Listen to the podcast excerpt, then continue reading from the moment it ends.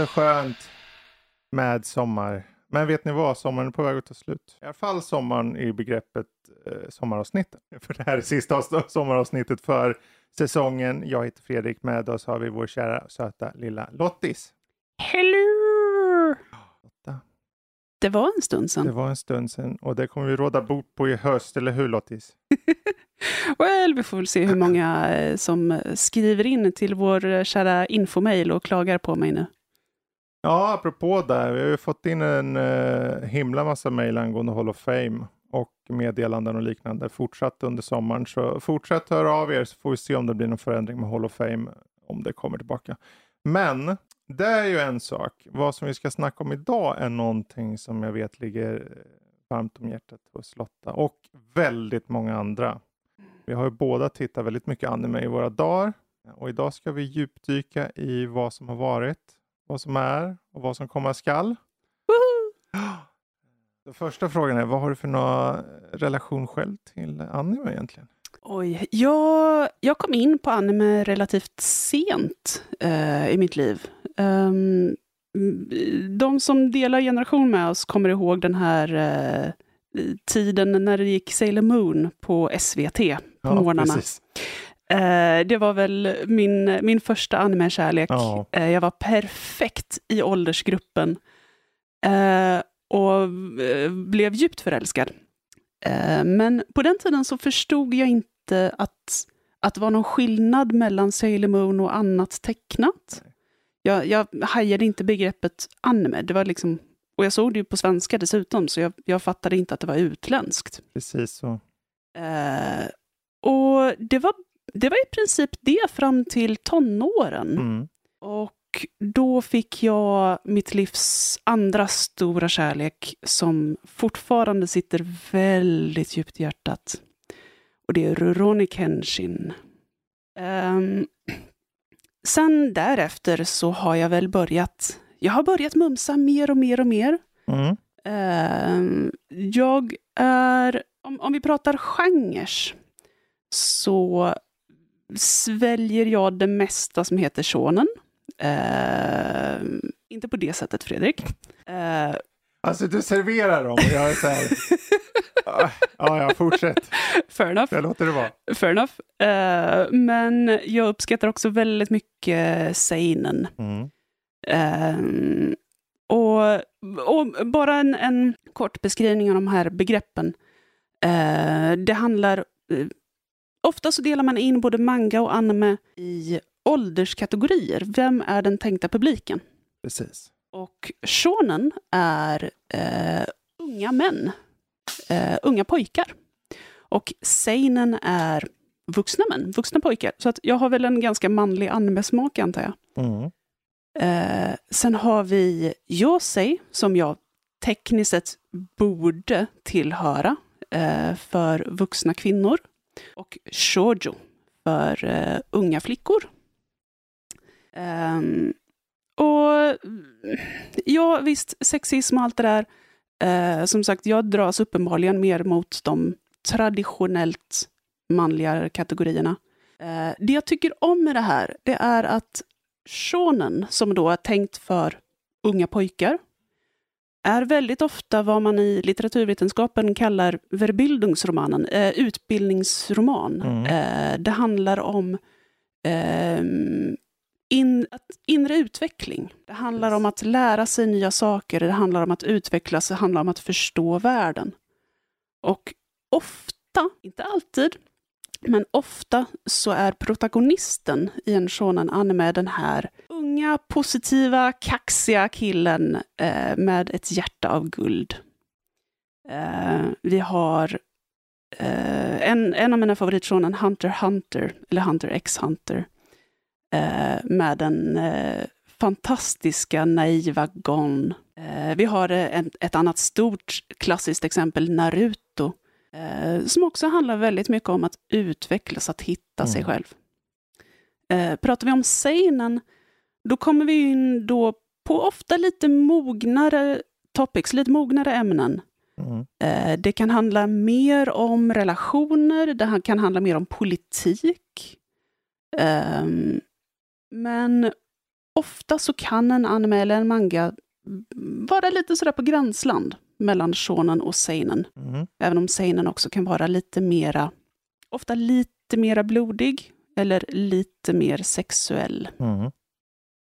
Eh, shoujo, eh, Sailor Moon, som jag nämnde nyss. Eh, Sailor Moon är en klassisk shoujo. Det är till och med en maho shoujo. Eh, magiska unga flickor. Eh, som... Men det är väl alla flickor? ja, men du vet, vissa är bara lite mer magiska än andra. Vissa stöter på en fantastisk katt eh, som ger henne magiska pennor och, och diadem och allt möjligt spännande. Eh, och, Vart gömmer han dem då? du vet, unga flickor har alltid... Och sen är magisk, det trollas fram. Ja, precis. precis. Um, men där har vi också, till skillnad från shonen, i shoujo har vi ofta någon form av romantiskt intresse. Mm. Den här uh, Prince Charming som lurar runt hörnet. Um, och ofta lite grann av en, av en utbildningsroman också över bildungsromanen med den här utvecklingen. Uh, men kanske inte riktigt lika tungt tryck på det, utan lite mer handlar om att, om att vara en flicka Mm. mest. Uh, och jag säger också mer en mognare version Mm. Av det, kan man påstå. Uh, vi har, jag, jag har egentligen bara riktigt tyckt om en Josei Mhm. ever, och det är en Josei som heter Nodame Cantabile. Ja, och den har du pratat om förr. Och skrivit om på, eh, på sajten. Ja, men visst har jag det? Det var också en stund sedan. Ja, det var tass. Ehm, men nog tänker jag om, eh, om lite genrer. Att det är väldigt många som lyssnar på oss som säkerligen redan har koll på. Ja, definitivt. Och det är så här, jag, jag tänkte med det här avsnittet som lite av ett skönt tillbakalutat eh, avsnitt där vi egentligen behandlar lite. Dels får, får ni här, de som kanske inte har riktigt koll, får lite av de större genrerna be, beskrivna. Eh, men vi kommer framförallt eh, prata lite om vad, vi- vad vi personligen liksom eh, dras mot lite senare. Men vi ska framförallt då fokusera lite på men vad, vad är det för någonting som har gått som kanske var värt att lyfta upp eller som faktiskt går? Och vad kommer till hösten, vintern däromkring? Finns det några potentiella guldkorn, kanske nya säsonger och någon serie som, som är värd att belysa? Så Mm. att, eh, och jag vet inte, vi kanske ska börja där eh, med eh, vad som går och eller har gått. Yeah, sounds good. Så, har du några förslag? Ja, alltså, du har ju pratat lite grann om att den här hösten kommer bli galen i spelvärlden. Mhm. med, med riktigt stora heavy hitters med titlarna. Och animen har definitivt redan följt det mönstret. Ehm, och det här, det här är animes som går nu. Mm. Eh, och då har vi, jag har tagit fram fyra stycken rediga grabbar här. Rediga grabbar. Redigt rediga grabbar. Du, du nu, nu får du höra på de goa gubbarna. Och eh, då har vi eh, nummer ett här i, har vi Bleach. Ja just ja, den Eh. fortsätter och fortsätter. Jajamän, men den kanske inte fortsätter så länge till. Jag tror att det här kan vara sista arket. Oj! Ja. Sennen Kessenhen. Mm. Eh, The Thousand Year Blood War Arc. ja, för det där, jag kommer ihåg att jag såg på den serien för många, många, många år sedan. Så det är intressant Mm. ändå att den fortfarande går. Men det är den ju inte ensam om, ensam om direkt. Det är ju många serier som har jättemånga avsnitt liksom. Jajamän, jajamän. Och särskilt de här riktigt stora, riktigt kända. Mm. Bleach är ju en av dem, i alla fall på manga-sidan. Den, animen kommer ju från manga som Mm. I de absolut flesta fall. Ehm, och mangan Bleach är en av de bäst säljande Mm. i historien. Ehm, så att eh, det är inte jätteförvånande att den har fortsatt så länge som den har gjort. Men eh, som sagt, jag, jag tror att det här kan vara det sista. Ja, för det är en sån där, det är en ganska snubbig serie upplevde jag den Mm. som. Uh, och det är inget fel på det. Det är liksom ibland, det är nästan lite, om jag minns rätt, var lite power fantasy, fantasy-aktigt nästan med mm. att han hela Men det, det tillhör ju också till viss del. Men det kändes väldigt som att uh, man blir bara superstarkare och sen kommer han på en ny attack. Och sen, så där. Och sen har de några härlig fight som varar i tio avsnitt. Eller någonting. och, uh, nej, men det är så här, de som söker det mm. får ju verkligen ut något av det tror jag. Ja, men definitivt. Och den är, den är väldigt välskriven. Um, jag, har, jag har faktiskt själv inte sett hela Bleach. Uh, det är lite pinsamt. Uh, ja, om vi säger så här, det är ju inte som att det finns få anime-serier totalt sett. Det är ju tusentals på tusentals anime-serier som har gjorts och så, så det är helt okej. Okay. Ja, precis. Men, eh, men det, är, det här är en väldigt välrespekterad serie mm. eh, som eh, ja, handlar om en kille som får eh, krafter från en, jag får att det är en shinsengumi till och med. En sån där eh, dödsgud. Precis, ja. precis. Um, och som använder dem för att ta ut onda andar mm. och monster av olika slag. Precis. Um, och, och, som du säger, blir naturligtvis starkare och starkare hela tiden, som hör till genren. Ja, ja. Um, men det är definitivt någonting att hålla utkik för, särskilt om det är så att man har följt serien tidigare. Mm. Uh, någonting annat som har hållit på i 70 år åtminstone är One Piece. Ja. Och där, det är kanske ingen nyhet om man hör lite örat mot rälsen. Eh, vi är inne på säsong 20 just nu. Och episod, jag tror det var 1070 ja. som var det senaste som släpptes. Um, så den, den har ju kört ett tag. Uh, men den här säsong 20, den har alltså hållit på i ett par år nu. Den har inte... Vadå, samma säsong? Samma säsong. Uh, och visst, det är inte otänkbart. Alltså, vi har hört om det tidigare säsonger som har varit väldigt långa. Um, vi har en Hunter Hunter-säsong som jag tror är 50 avsnitt. Mm. Men det här är nog lite i hästväg. Ja. Uh, och för er som inte känner till One Piece, One Piece handlar ju då om piraten Luffy. Uh, som ska hitta The One Piece och mm. bli The Pirate King. Och det är ju extra intressant nu med tanke på att den här är ju extra relevant idag med tanke på att eh, inom kort så släpps ju den här Netflix live action-serien som precis fick trailer. Ja, precis. Uh... Och det kommer ju bli en fasligt intressant utmaning för dem. Mm. Hur tar de en serie som One Piece med så många överdrivna krafter och, och förmågor och, och, teman. Ja, och till och med utseende på karaktärerna. Man måste liksom på något sätt bara okay, acceptera världen och, och, och ja. följa med på resan. och det är en lång resa. ja. mycket båtfarande. Väldigt mycket båtfarande. Ja. Um, så att det, det är väl... Det, det, kanske inte någonting som man säger just nu att ja men passa på att se från avsnitt ett mm. eh, medan säsongen håller på. Det kommer ta en stund att ta sig igenom, men Precis. det är definitivt en serie att känna till. Ja, har du några bra tips på några som har kanske kommit och gått? Uh, som, som ligger i, i bakhuvudet? Kommit och gått, som är helt... Alltså lite kortare serier, om det finns några kortare som kanske kom under året. Oh, ja, eh, jag, jag måste... Jag, måste... Det, jag bara hoppar in. Självklart får du ta första, andra säsonger. Det behöver, det behöver inte mm. vara att hela serien blir avslutad. På en. Ja, okej. Okay. okay. Um, ehm, för då, då får nog det jag tänkte berätta om härnäst vänta bara, bara mm. lite mm. längre. Um, för att en annan också riktig heavy hitter uh, som jag har haft säsong två av nu är Jujutsu Kaisen. Mm. Uh, och det är också en sån här, den som ni hör, säsong två, det är ju liksom inte, vi är inte tusen avsnitt in. Nej. Utan det kan ju fortfarande vara värt att sträckse åtminstone över en helg eller två.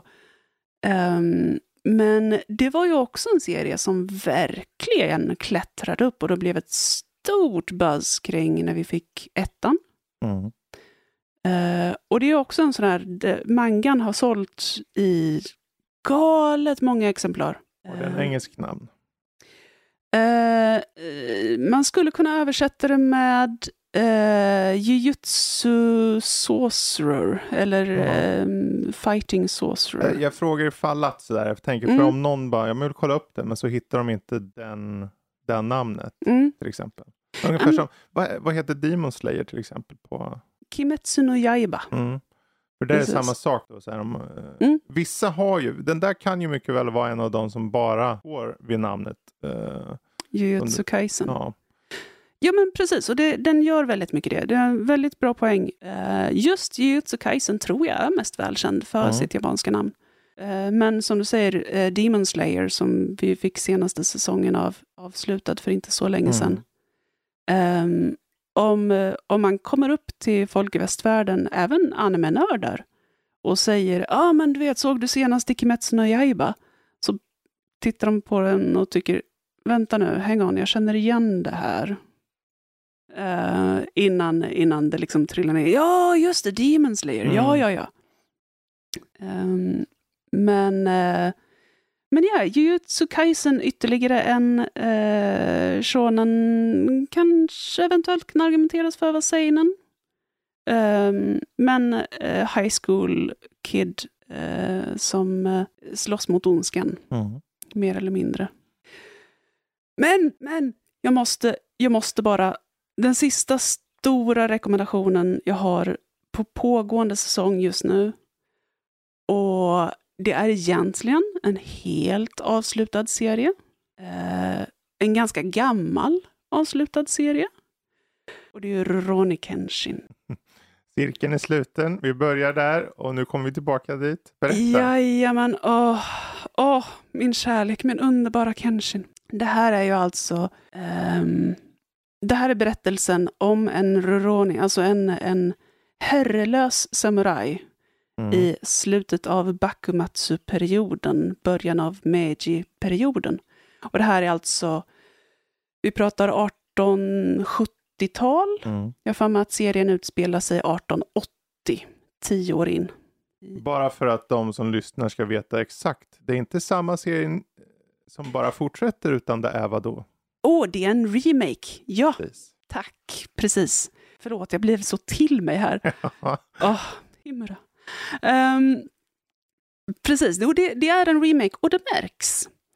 Eh, som sagt, den utspelar sig i slutet av 1800-talet. Jag tror att, Mm. jag för mig att det är 1880, det är tio år in i Meiji-perioden Ja, okej. eh, i Japan.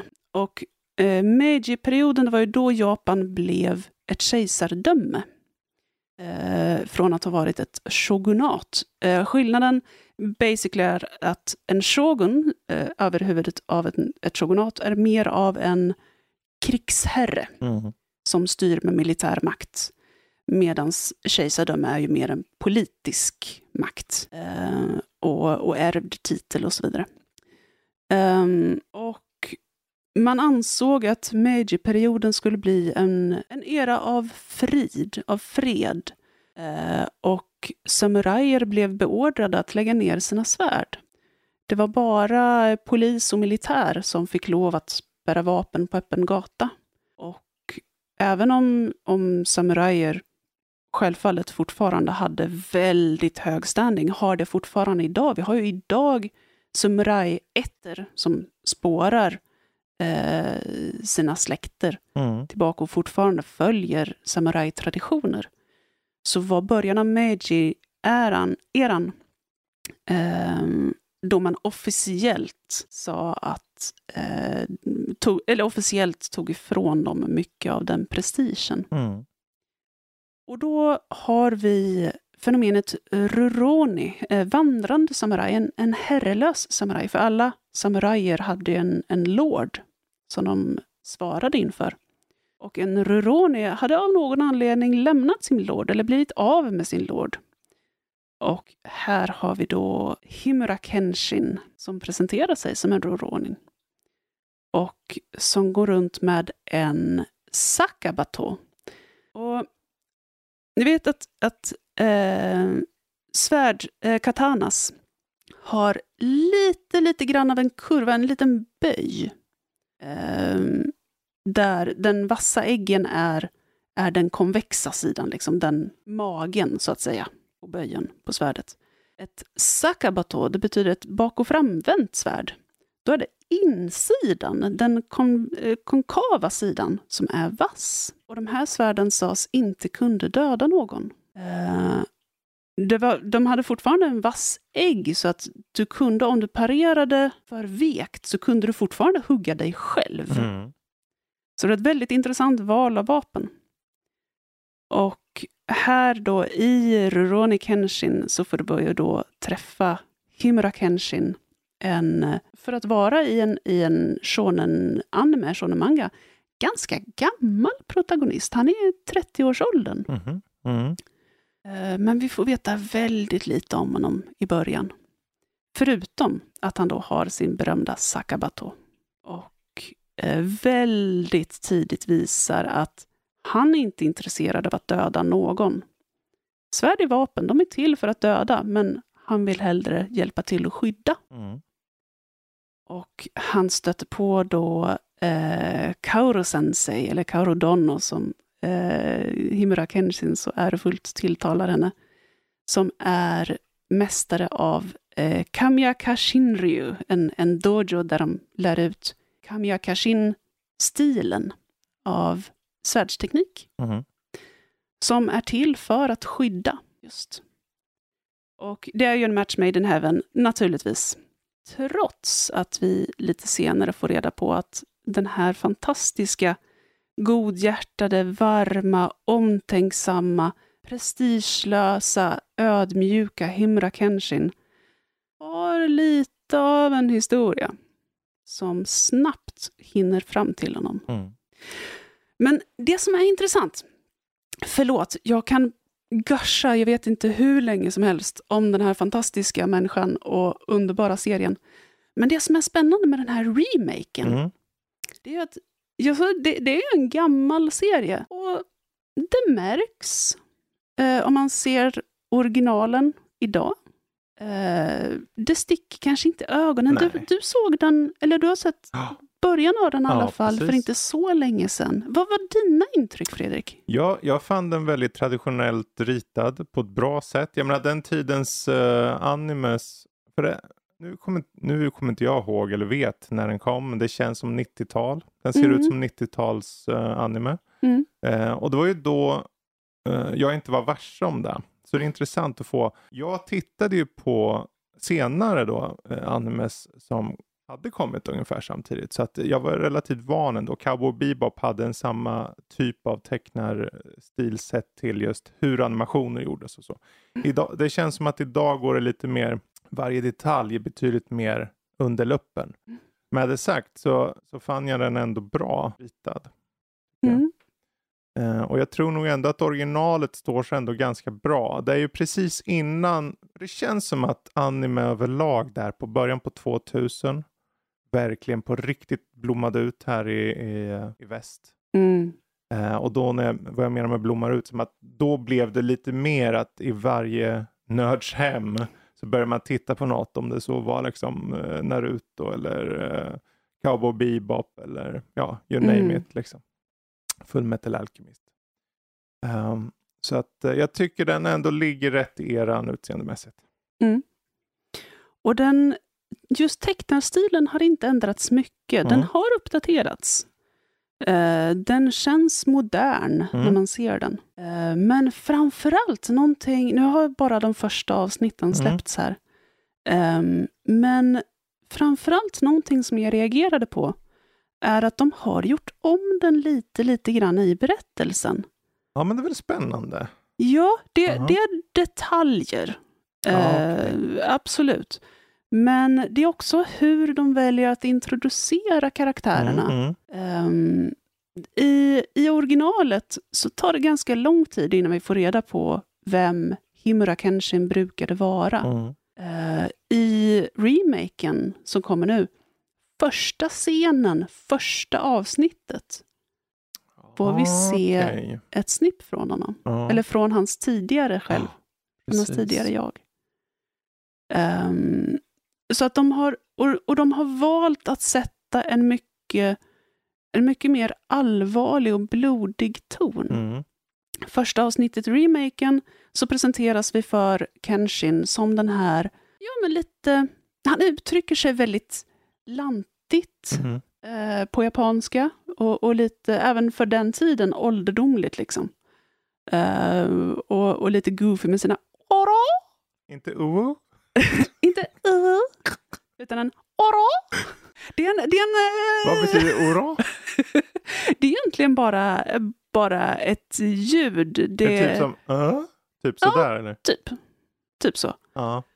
Ehm, men, men det är betraktat som väldigt eh, lantigt. Liksom. Lite uh? Går. ja, typ.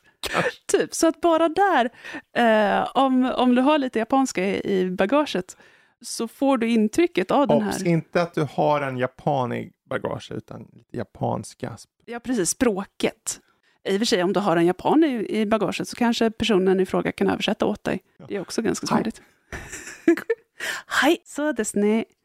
Ehm, men eh, den här bara lite, lite goofy, lite lantiga men, men genomsnälla personen. Vi etablerar jättetidigt att eh, eh, Kaoru Dono eh, inte kan laga mat Mhm. och att Himura är jätteduktig på det. Och det är också en grej som särskilt på, på tiden när den här kom, att det, det blev så, man, man belyste så tydligt att han är den husliga och gav honom, gav Kenshin väldigt många feminina attribut. Mhm. Och det är inte det enda feminina med honom. Han beskrivs som väldigt feminin i utseendet också. Eh, Så att väldigt många kvinnor cosplayar som Kenshin. Mhm. Eh, vilket jag kanske eventuellt möjligtvis har funderat på en eller två eller 70 gånger. Um, Medan Kaoru har eh, traditionellt sett väldigt mycket manliga attribut. Mm. Eh, hon har den här väldigt starka känslan för, för eh, rätt och fel och för ära. Hon ska hedra sin fars namn, hedra sin fars dojo Mm. eh, och, och kämpa hårt, jobba, slita, eh, lite martyr, eh, så. Ehm, och det, det är vad som väldigt tydligt påpekas i den gamla. I den nya däremot, i remaken, så blir det inte alls det lika tydligt. Mm. Kenshin lagar inte mat i första avsnittet. Ups, spoiler. Eh, jättestor grej, jag förstår. Eh, vi får klippa bort det här. Ehm, men han... Eh, och, och även om han fortfarande beskrivs som lite sådär smålantig och lite småklantig Mm. Eh, och han har fortfarande kvar sina ora. Också sättet, hans, hans voice actor känns mer, mer seriös, Mm. mer mogen. Eh, man känner hans ålder på ett annat sätt. Eh, och nu är inte jag den som är den och ska säga att 30-åringar är gamla, men vi, får, vi får ändå komma ihåg att det här är en, en shonen. Det här är en serie som är till för unga pojkar. Mm. Men med de här detaljerna så känner jag att den mer och mer... Jag, jag skulle absolut kunna acceptera någon som argumenterar för att det här... Nu börjar vi nosa seinen. Mm. Den känns mer, mer politisk, Mm. eh, mognare, mörkare. Så att det ska bli väldigt intressant. Det här är som sagt bara första avsnitten. Och serien i original blir mörkare och mörkare allt eftersom tiden går. Svårare och svårare. Eh, Så att det ska bli väldigt intressant att se vart de drar den någonstans. Ja, det är bra. Nu har du gett väldigt mycket information kring eh, Rururi Kenshin. Det är bra. Då har ni ytterligare ett tips där ute att kolla upp. F- vill du gå vidare till kanske kommande eller sådana som precis är på väg att komma eller, alltså, eller kanske Ja. precis har kommit? Ja, men absolut. Eh, och eh, som sagt, ursäkta, jag kanske är lite av en Kenshin-fangirl. Ehm, men jag har i alla fall fyra stycken som kommer nu i augusti och oktober, Mm. som i alla fall jag tänkte ta och titta in Mm. i. Så att om det är någon där ute som har ja, men typ lite liknande smak, Mm. så kanske det kan vara bra tips. Jättebra. Så liksom, vad den heter och lite kort premiss per. Liksom. Det är säsong två och säsong tre, hela vägen igenom. Mm. Eh, och då tänkte jag att vi börjar med den som kommer i augusti och det är Goblin Slayer säsong 2. Just det, ja. Kommer du ihåg den? Ja, jag tror att jag tittade lite av första. Mm. Jag känner igen... Uh... Det blev väldigt mycket snack om Goblin Slayer. Mm. Eh, för att den är... Eh, den har en hel del etchy element eh, på gränsen till snusk.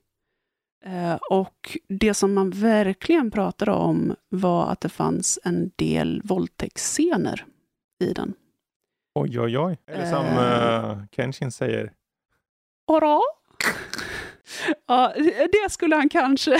Inte säga i det sammanhanget. Men okej, fine. Ehm, så att den, den blev väldigt diskuterad. Mm. Ehm, och det, det fanns folk på båda sidor stängslet om den. Ehm, men jag upplevde i alla fall att det var väldigt mycket första avsnitten som gav den här chockfaktorn. Och sen, allt eftersom första säsongen gick, så blev den lite mel- mer mellow. Eh, Men det handlar ju då om den här legendariska krigaren, The Goblin Slayer, som eh, går ut och tar eh, Bounty Contracts. Det är en fan- fantasy-setting. Väldigt dd lik Mhm. eh, med då den här krigaren som eh, tar sig an uppdrag från The Adventurers Guild bara väljer uppdrag som inbegriper att döda goblins. Av någon anledning. Jag försöker komma på varför jag slutade titta. Mm. Jag för mig jag tyckte om den väldigt mycket. Första... Det, var inte den lite så här, för han var så lågt. Så här, man, han, han bara ut Goblin så här. Några tyckte han så att det Mm. var lågt. Men egentligen så var han väldigt så här, åh det här är Goblin Slayer. Jag för mig Ja. såklart först, hade han några kompisar som hjälpte till? eh, Ja, precis. Han, Ja. får, han skaffar sig då ett party, en grupp, eh, som lär sig då känna den här eh, personen som håller väldigt mycket, väldigt tight kring bröstet på sig. Ja, Men eh, de lär sig känna honom tillräckligt mycket för att börja lita på honom. Och förstå att ja, men du är faktiskt ett Mm. taktiskt snille. Och ja, du dödar bara gobliner. Men du är väldigt duktig på det. och det som kommer nu var säsong Två, två. som alltså börjar nu i augusti. För då, det är sådär ibland, det är intressant ändå hur, hur de, för första säsongen måste ju vara, varit ett tag sedan. Ja, vad kan det ha varit? Två år sedan? Ett år sedan? Nej, Minst nej två mer. år sedan, minst. Ja, det är sant. Det är sant. För mig kändes det 2019-ish. Så här. Ja, men det var ju typ förra året. Right? Sure, det bara fyra. Ja. Okej, Ja. men Goblin Slayer, om vi går vidare då. Precis. Eh, sen har vi också ytterligare en fantasy-setting. Mm. Eh, Tatten och Djurshan och Närjagari. Prosit. Eh, tack. Eh, Shield Hero är den Mm. engelska titeln. Ja. Och det är, det är egentligen en eh, isekai. En, eh, eh, isekai det är en genre som handlar om att någon antingen återföds i Mm. eller blir transporterad till en annan värld. Eh, och det var jättestort för inte så länge sedan. Eh, och det har kommit fantastiska titlar som eh, Gången jag blev reinkarnerad som ett slime. Ehm, eh, um, Ups, jag blev en spindel, now what? Uh, eh, och Gången jag blev reinkarnerad som ett svärd och så vidare. Och eh, uh, Taten och Yusha uh, är en kille som blev dragen till en annan värld tillsammans med tre andra uh, från klassen. Och de skulle vara de här legendariska hjältarna. Och alla fick de då ett vapen. Och vapnet som då vår protagonist fick var skölden. Och i världen de kom ifrån var han mobbad av de andra. Och det slutade inte när de blev transporterade till en annan värld. Och det blev värre och värre och värre och de här andra försökte till slut sig på att mörda honom på olika sätt. Nej! Jo! Oj, nu kom närkingen fram här, jag ber om ursäkt. Ehm, Men, eh, eh, och, och den här killen, han, eh, han ser inte riktigt varför han ska försöka hjälpa det här kungariket som eh, behandlar honom så styvmoderligt eh, och riskerar liv och lem för dem. Så att han skiter i det. Och går iväg och gör sin egen grej. Och sen bara råkar han hjälpa folk. Uh, ojsan. Det, det blev visst så. Men han har en väldigt egen känsla för rätt och fel. Mhm. Och nu börjar då säsong nummer tre i oktober. Eh, Så det är definitivt en som jag ska hålla ögonen på Mm. när den kommer. Det låter väldigt intressant ändå. Mm. Det, är också, det, det är en hel del moraliska frågeställningar i den. Eh, det är också sådär någonstans, den är väl främst uh, shonen, men, men gränsar lite grann på seinen också Mm. i och med den här backstabby-grejen. Eh, den där lilla detaljen ni vet med ens före detta vänner som försöker mörda en. Ehm, men eh, som sagt, säsong tre nu i oktober. Mm. Eh, och det är väl de som jag tänkte berätta om som är lite mera kända. Mm. Sen har jag lite udda fåglar här. Eh, vi har en som heter Spy X Family. Där vi hade... Precis. Ja, oh yes, du känner igen den? Ja, jag, jag Du vet kommer att... ihåg den? eh, jag har inte sett den själv. Jag vet att Max såg den. Mm. Eh, Jag såg du inte eh, första avsnittet eller någonting? in, ja, s- bara några minuter. Ah. Eh, det blev inte av. Nej. Men jag har den hela tillgänglig om vi säger så. Ja, och den jag tycker den är riktigt trevlig. Och det är också som sagt säsong två, så att vill man se igenom säsong ett och komma up to speed innan säsong två börjar nu i Mm. oktober, go for it. Precis. Eh, det handlar om eh, den här killen som är eh, en agent, en hemlig agent, som ska gå undercover för sin regering och utföra ett uppdrag. Och för det här uppdraget så behöver han ha ett barn som ska komma in på en specifik skola. Problemet är ju att han inte har ett barn, så han måste hitta ett barn. eh, Som han sen ska Precis. få in på den här väldigt prestigefyllda skolan. Så han måste skapa sig ett liv. eh, Och, och det är liksom inte att han kan ta vilket barn som helst. Det måste vara ett barn som kan komma in på skolan. Precis. Och som Väldigt dessutom lätt där. Ja, ja, ja, baggis. Det här är liksom Harvard på steroider. Eh, och, och barnet måste dessutom eh, samla en form av prestigepoäng, ställas eh, stjärnor. ehm, för att komma med i en viss gruppering så att de kan Mm. ställa sig in hos eh, spionens target. Ehm, och det här låter ju halvt omöjligt.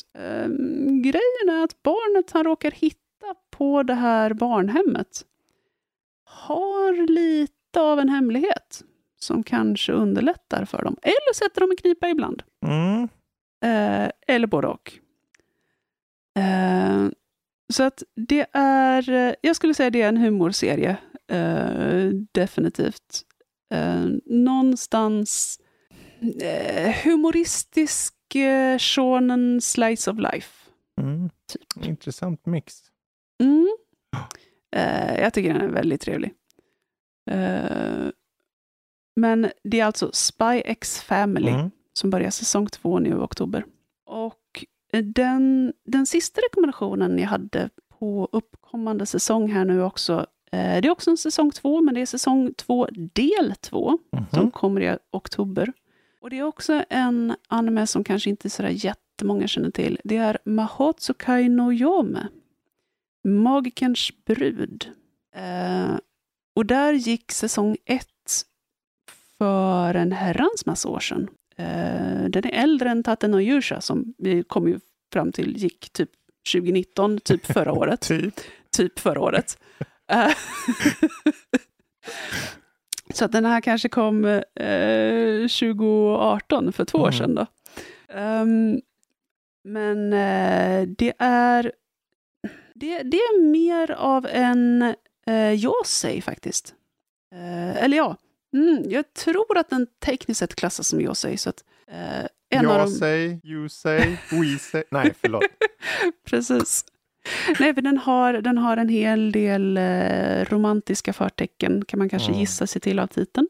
Men det handlar om den här varelsen. Den utspelar sig främst i England. Ehm, i eh, relativt modern tid. Och huvudkaraktären eh, är en, en varelse från eh, keltisk mytologi. Okej. Eh, som då är magiken. Och eh, den här magiken, eh, av anledningar som vi senare får lära oss, behöver ta sig en brud. Och då väljer han en kvinna som eh, har, ja, hon, hon är kanske inte helt vanlig hon själv. Eh, utan har kraften, vare sig hon vill eller inte, att dra till sig diverse oknytt. Och problemet med att ha feer och, och eh, troll och, och andar att älska en är att feer älskar inte så som människor. De förstår inte väldigt många koncept som är väldigt naturliga för oss människor. Um, så att de, de, de säger att de älskar henne, men uh, kanske inte alltid gör det som är bäst för henne. Nej, precis. Uh, men då Mahotsukai no Yome är, jag skulle säga en parad av uh, mytiska varelser. Ja, och, riktigt spännande. Ja, definitivt. Hur, hur de interagerar med varandra. Mm. Eh, lite grann om deras historia, inte, inte överdrivet mycket. Um, men framförallt också hur de interagerar med människor, mm. hur de påverkar människor. Uh, och mitt i alltihopa så ska då den här unga kvinnan försöka, försöka stå på egna ben för att hon eh, kommer från en inte jättevacker plats. Så att hon måste försöka hitta sig själv mm. först och främst, sin egen styrka. Sluta vara en sån joggans martyr. Jag är absolut inte träffad. Eh, jag blir absolut inte triggad av hur hon ständigt eh, beter sig. Ehm, men det är en fantastisk serie, också väldigt välskriven. Mm. Eh, väldigt intressanta karaktärsporträtt eh, och, och relationerna dem emellan. Eh, och nu kommer då säsong två, del två. Mm. Eh, säsong två, del ett avslutades för några månader sedan. Och nu har vi då del två som börjar nu i, i oktober. Mm. Eh, så att det... Och, och, den har också... Jag tror att en av anledningarna till varför jag verkligen tycker om den serien är att den har definitivt de här Verbildung-romanen eh, förtecknen mm. i då karaktärens Och det resa. är vad då? Eh, eh, förlåt, eh, utvecklingsroman. Eh, du sa det förut, men vi tar det igen tänkte jag. Ja, precis. Eh, nej, men i och med... Att utvecklandet sker på, eh, internt liksom, ja, karaktären. Ja, precis. precis. Um, det är inte spelutveckling vi pratar om den nej, här gången. Nej. Kanske en annan gång. Ja. Um, nej, men I och med att vi får följa egentligen alla karaktärers resa i självförverkligande. Precis. Så att den ser jag också väldigt mycket fram emot. Mm. Eh, kanske som sagt mer driver åt Josei-hållet. Mm. Eh, men eh, väldigt välskriven serie. Precis. Ehm, jag tänker vi, vi ska ta i, i, om, om ni är nyfikna på de här serierna som vi har nämnt så kommer vi ha någon form av, vi kommer skriva namnen på serierna i uh, informationen för avsnittet här nedanför så i podcastappen ser ni det. Mm. Uh, så att, och jag, jag tänkte jag tar över lite för jag har några uh, serier. ja, vad spännande. Låt höra. Mest för att jag vet att Ice brukade titta på Dr. Stone. Ja. Och Dr. Stone New World Part 2 kommer nu i uh, höst. Spännande. Uh, och är ju, uh, om jag minns rätt så hade hela världen gått under och det var någon form av liksom, smitta av något slag som hade fått folk att förstenas och liknande och sen bara helt plötsligt vaknar folk upp. Och mm. så har det gått x antal tid och sen tar de itu med hur situationen är. så att säga. Och eh, den nya säsongen nu till hösten. Så, och jag tänkte jag vill bara nämna det lite snabbt. Yeah. Um, det som jag kom på, för jag satt här och tänkte, men du, jag såg ju en, jag såg ju en anime tidigt, var det i år eller slut på förra året, som jag tyckte var helt fantastisk. Mm -hmm. uh, Den är redan klar. Den heter Chainsaw Man. Den första säsongen är klar. Och, eh, och, varför jag nämner den nu? Ja, det är inte en serie som är pågående just nu och den har redan eh, första säsongen avslutats. Men eh, det sägs att nästa säsong kommer början på 2024. Så att jag tänkte om jag nämner den som tips här så kanske om någon inte har sett den kan ni titta på den eh, tills nästa säsong kanske poppar in. Liksom. Ja, och, och jag, har, jag såg inte Chainsaw Man själv, men eh, du var ju verkligen lyrisk över den. Ja, kan du berätta lite? Den här berättelsen var ganska intressant för i första avsnittet så får vi eh, reda på, vi får ta och lära känna en karaktär som heter Denji. Som uh, egentligen, han, han eh, uh, hemlös mer eller mindre. Han försöker överleva dagen och han har en liten hundliknande varelse som följ, följer efter honom. Uh, och han bor i en värld i ett, där demoner finns. Det är nämligen så att den här lilla varelsen är en demon. Eh, men i första avsnitt så blir han lurad till en plats. Jag gör det här väldigt enkelt nu, förenkla, för att jag vill att ni ska se serien. Uh, han tas till en plats och blir uh, heter det? backstabbad mer eller mindre. Han blir mer eller mindre uppsågad i små bitar. Och dör. Ganska rått faktiskt till och med. Så um, klart, serien klart. slut? Eller? Eller? Ja, det är ju så här att den här lilla varelsen som man uh, hade med sig, uh, som är demon, uh, blir också mördad mer eller mindre. Men det sista sucken av liv som finns i den här gör att den återskapar honom då och har kvar essensen av sig själv i honom. Och då har de ett litet snöre som du drar i på magen. Men vad är det som händer när han då vaknar upp den här knasiga människan och sen märker han en jävla dragsnöre på magen och drar i. Då, för, då förvandlas till han, det liksom börjar poppa ut ett enormt motorsågsklinga ur huvudet och armar. Och han ger sig på demoner och det är alltså blod och tarmar och allting. Men allting är ju inte så enkelt. Det finns nämligen såklart en organisation som letar upp och tar koll på demoner. De här eh, vill ju inte ha demoner med sig. De vill ju döda demoner. Men han är av någon anledning 50-50 såklart. Människa mm. och demon. Eh, och de har några specialfall till som gömmer sig i sina, eh, vad ska man säga, re, eh, i sitt gäng. Så att han buntas ihop med dem och är liksom mer eller mindre, ja men du är kanonmat. Bara gå ut och lös våra situationer. Eh, vilket leder då till egentligen var, var, var, kommer demonerna ifrån i världen? Varför finns de här? Uh, och uh, finns det något, kanske något, något underliggande skäl till det? Det är saker som petas på då, som han petar på. Han bryr sig initialt inte, utan tvärtom så är det både humor och ganska rå action. Och väldigt välgjord action för övrigt. Men gäller det här flygande tarmar och grejer? Ja, ja, ja. och det är liksom stora monster, bara stora blobs av äckel ibland. Och ibland är det väldigt intressanta iterationer om demoner och så. De väljer mer helt annorlunda så, uh, upplägg för hur de kan se ut. Så att, uh, jag fann den uh, det jag fann var mest intressant var att han var ganska annorlunda någon annan huvudkaraktär jag hade sett på väldigt länge i någon. det här måste vara en seinen jag antar den scenen, men det kan, alltså den är svår att pinpointa för mig som inte har koll på de genrerna. Men han, det är ju en vuxen ton, men de är fortfarande, han är ju yngre. Så den mm. kan ju vara Men uh, just hur han interagerar med andra karaktärer, för han är extremt pervers också dessutom. Okay. Men det är så tydligt en uh,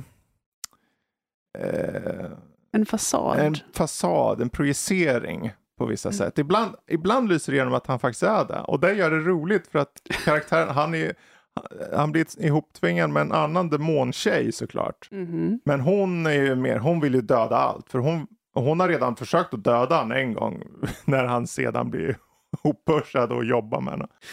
Och hon skiter fullständigt i honom. Och han säger vad han vill. Och det är här, jag har inte sett den typen av karaktär som verkligen säger sjuka grejer på ett sätt som det här. Men det görs och det är det som är så intressant för jag fann det hela tiden. Hur balanserar man att det inte går överstyr? För pervers kan bli gubbsjuk, det kan bli mm. äckligt.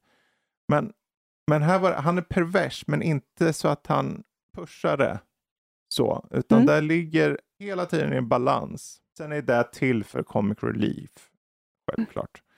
Så att man får ta det som det är. Det finns, en, det finns betydligt mer i hans karaktär som vi väntar att se eh, och organisationen och eh, självklart blir det jättetragiskt halvvägs igenom i ett avsnitt som sätter hela serien på ända.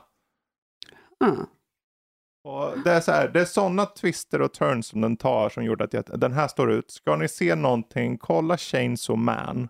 Eh, det var inte så många avsnitt om jag minns rätt, typ 12 någonstans. Så, eh, finns på, jag undrar om den fanns på Netflix, men jag vet att den fanns på den där Crunchyroll.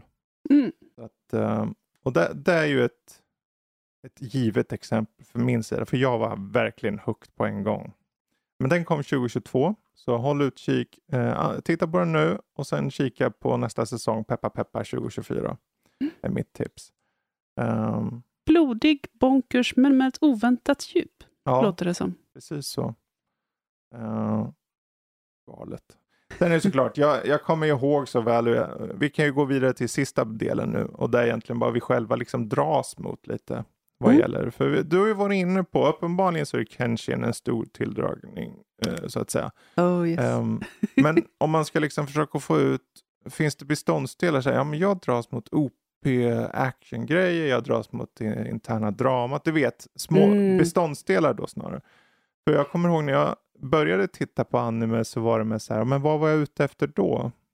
Mm. Jag försöker rannsaka det och försöker tänka ut vad kan det vara egentligen? För det, jag tror att man, det finns alltid någon serie, du vet, man har den där första serien eller den här serien som står ut, den är min bästa alltid, eller den ligger kvar. Mhm.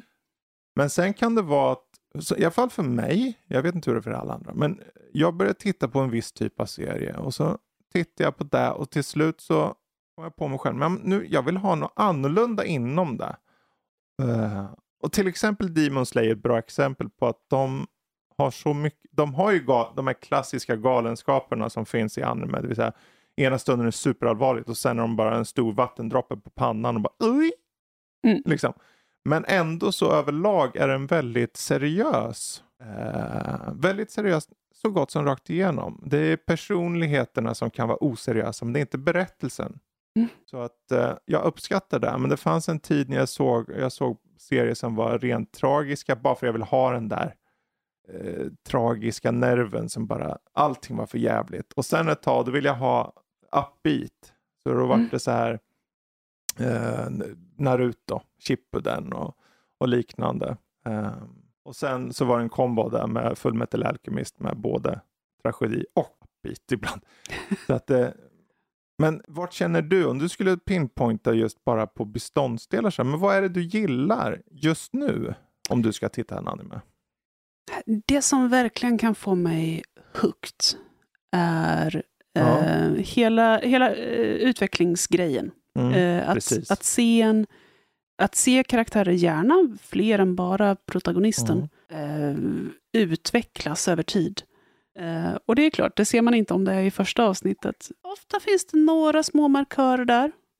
Eh, men det är ofta någonting man märker allt eftersom. Mm. Eh, och annars är det karaktärer som verkligen kan hålla mig kvar. Eh, jag är, jag, jag smälter av den här eh, godhjärtade, positiva, hjälpsamma karaktären. Mm. Eh, som ofta finns i eh, shonen, eh, ibland seinen. Mm.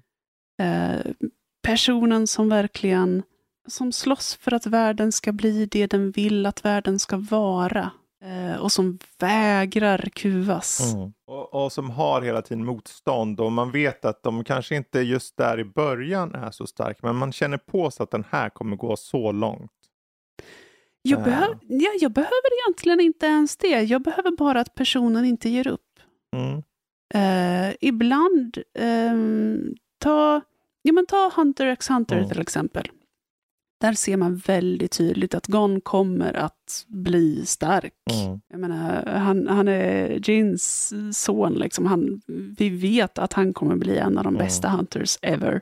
Ehm, men även om det inte skulle vara fallet, för att den, den berättelsen, den, och det kommer ut en fortsättning, bara en liten parentes, det Mm. kommer en fortsättning på Hunter Frelling Hunter. Och jag är så lycklig! Fantastiska manga Fortsätt kan. nu, kvinna. Okej. Ehm, jag, hade, jag hade varit helt okej med att lägga all fighting capacity på Gons vän Killua till Mm. exempel. Eh, och låta Gon stå enbart för moral. Mm. Det hade varit helt okej. Men Ja. den okuvade, Precis. okuvliga, brinnande viljan. Jag tror annars just rent generellt då för, för, för många andra så tror jag just shonen överlag är en perfekt genre att börja med just för att den här, de Mm. har oftast den här uh, naiva men alltid gode personen. Mm. Så man, jag tror nog att de flesta människorna ter sig till det och vet om, ja man hejar ju på någon och ju bättre det går för den och det är därför jag nämnde just det här med att den blir bättre. Det är vad publiken vill. Det är ungefär som, va- det är samma publik som i, i viss mån också, jag vill ha ett lyckligt slut. För varför vill Mm. du ha ett lyckligt slut?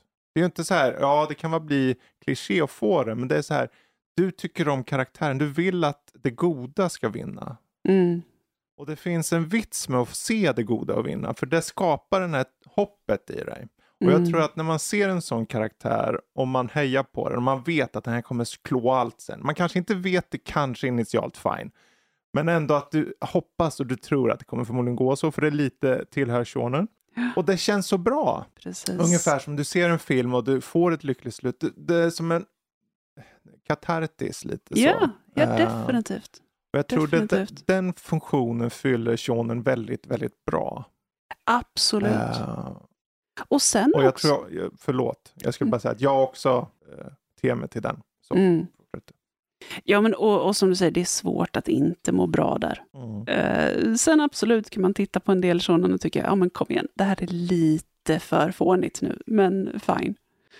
Ehm, Ja. Men, men jag tänkte säga, det finns ju också, om man går, jag höll på att säga helt åt andra hållet, men inte riktigt. Eh, vi har en, nu visserligen vet jag inte om jag skulle klassa det som shonen, det är nog mera seinen. Eh, det finns en anime som heter Mushishi, eh, där protagonisten är i det närmsta tom. Mm. Um, mushishi eh, betyder typ insekter. Mm.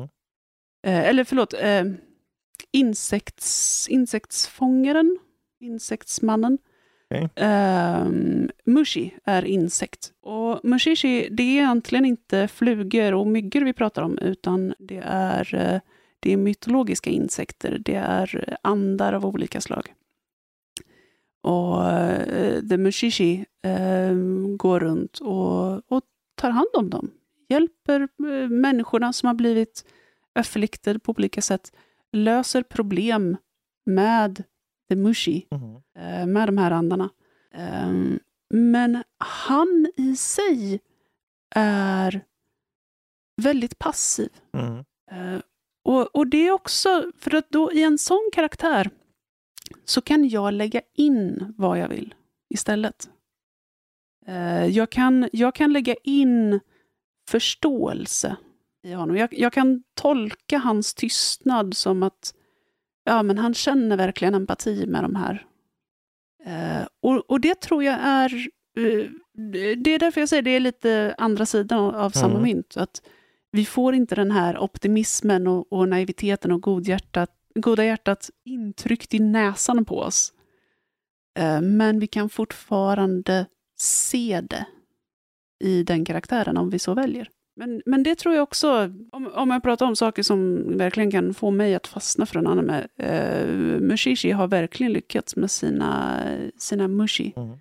Och överhuvudtaget, yokai vi- i, i eh, Mahotsukai no Yome, eh, de här keltiska, framförallt keltiska eh, och europeiska myterna som får ta spotlight. Mm.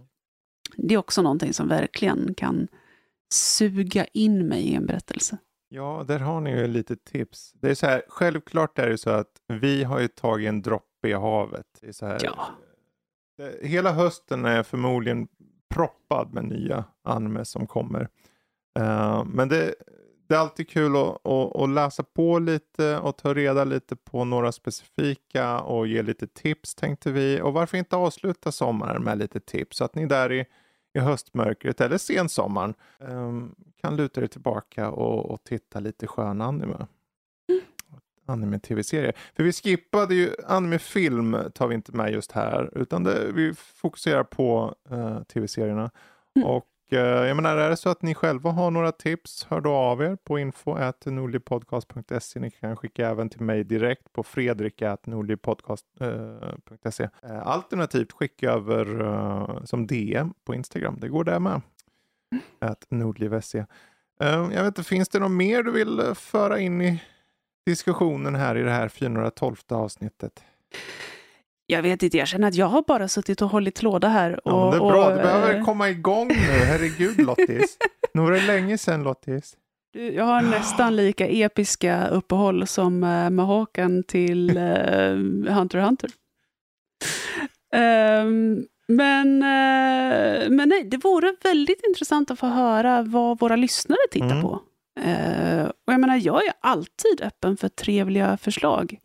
Um, så att det vore jättespännande att uh, få höra lite vad ja. ni ser fram emot nu under hösten. Så definitivt, skriv in till oss på valfritt sätt. Ja, och fortsätt att tjata om Hall of Fame. Eh, förlåt att jag säger det hela tiden, men så här, jag är med så här, jag, vi har fått in lite mail om det och då blir jag så här, men är det tillräckligt med mig? Jag vill ha fler för att veta. Men det, så här, vi får se. Men uh, Oavsett, eh, nästa vecka då kommer vi tillbaka med ordinarie avsnitt. Det kommer vara nyheter, det kommer vara spel, det kommer vara film, det kommer vara vad som helst. Uh, knyppling, jag vet inte.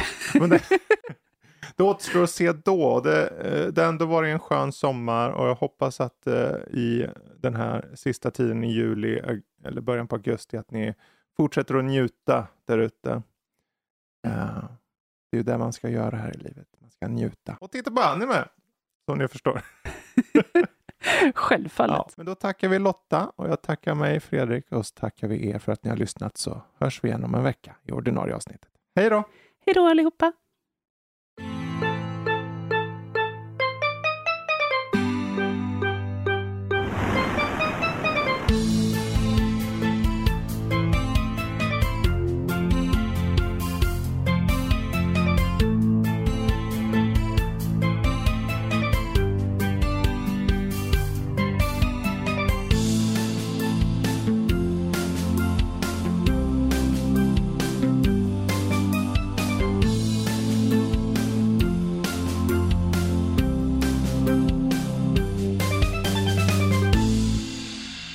Macaron?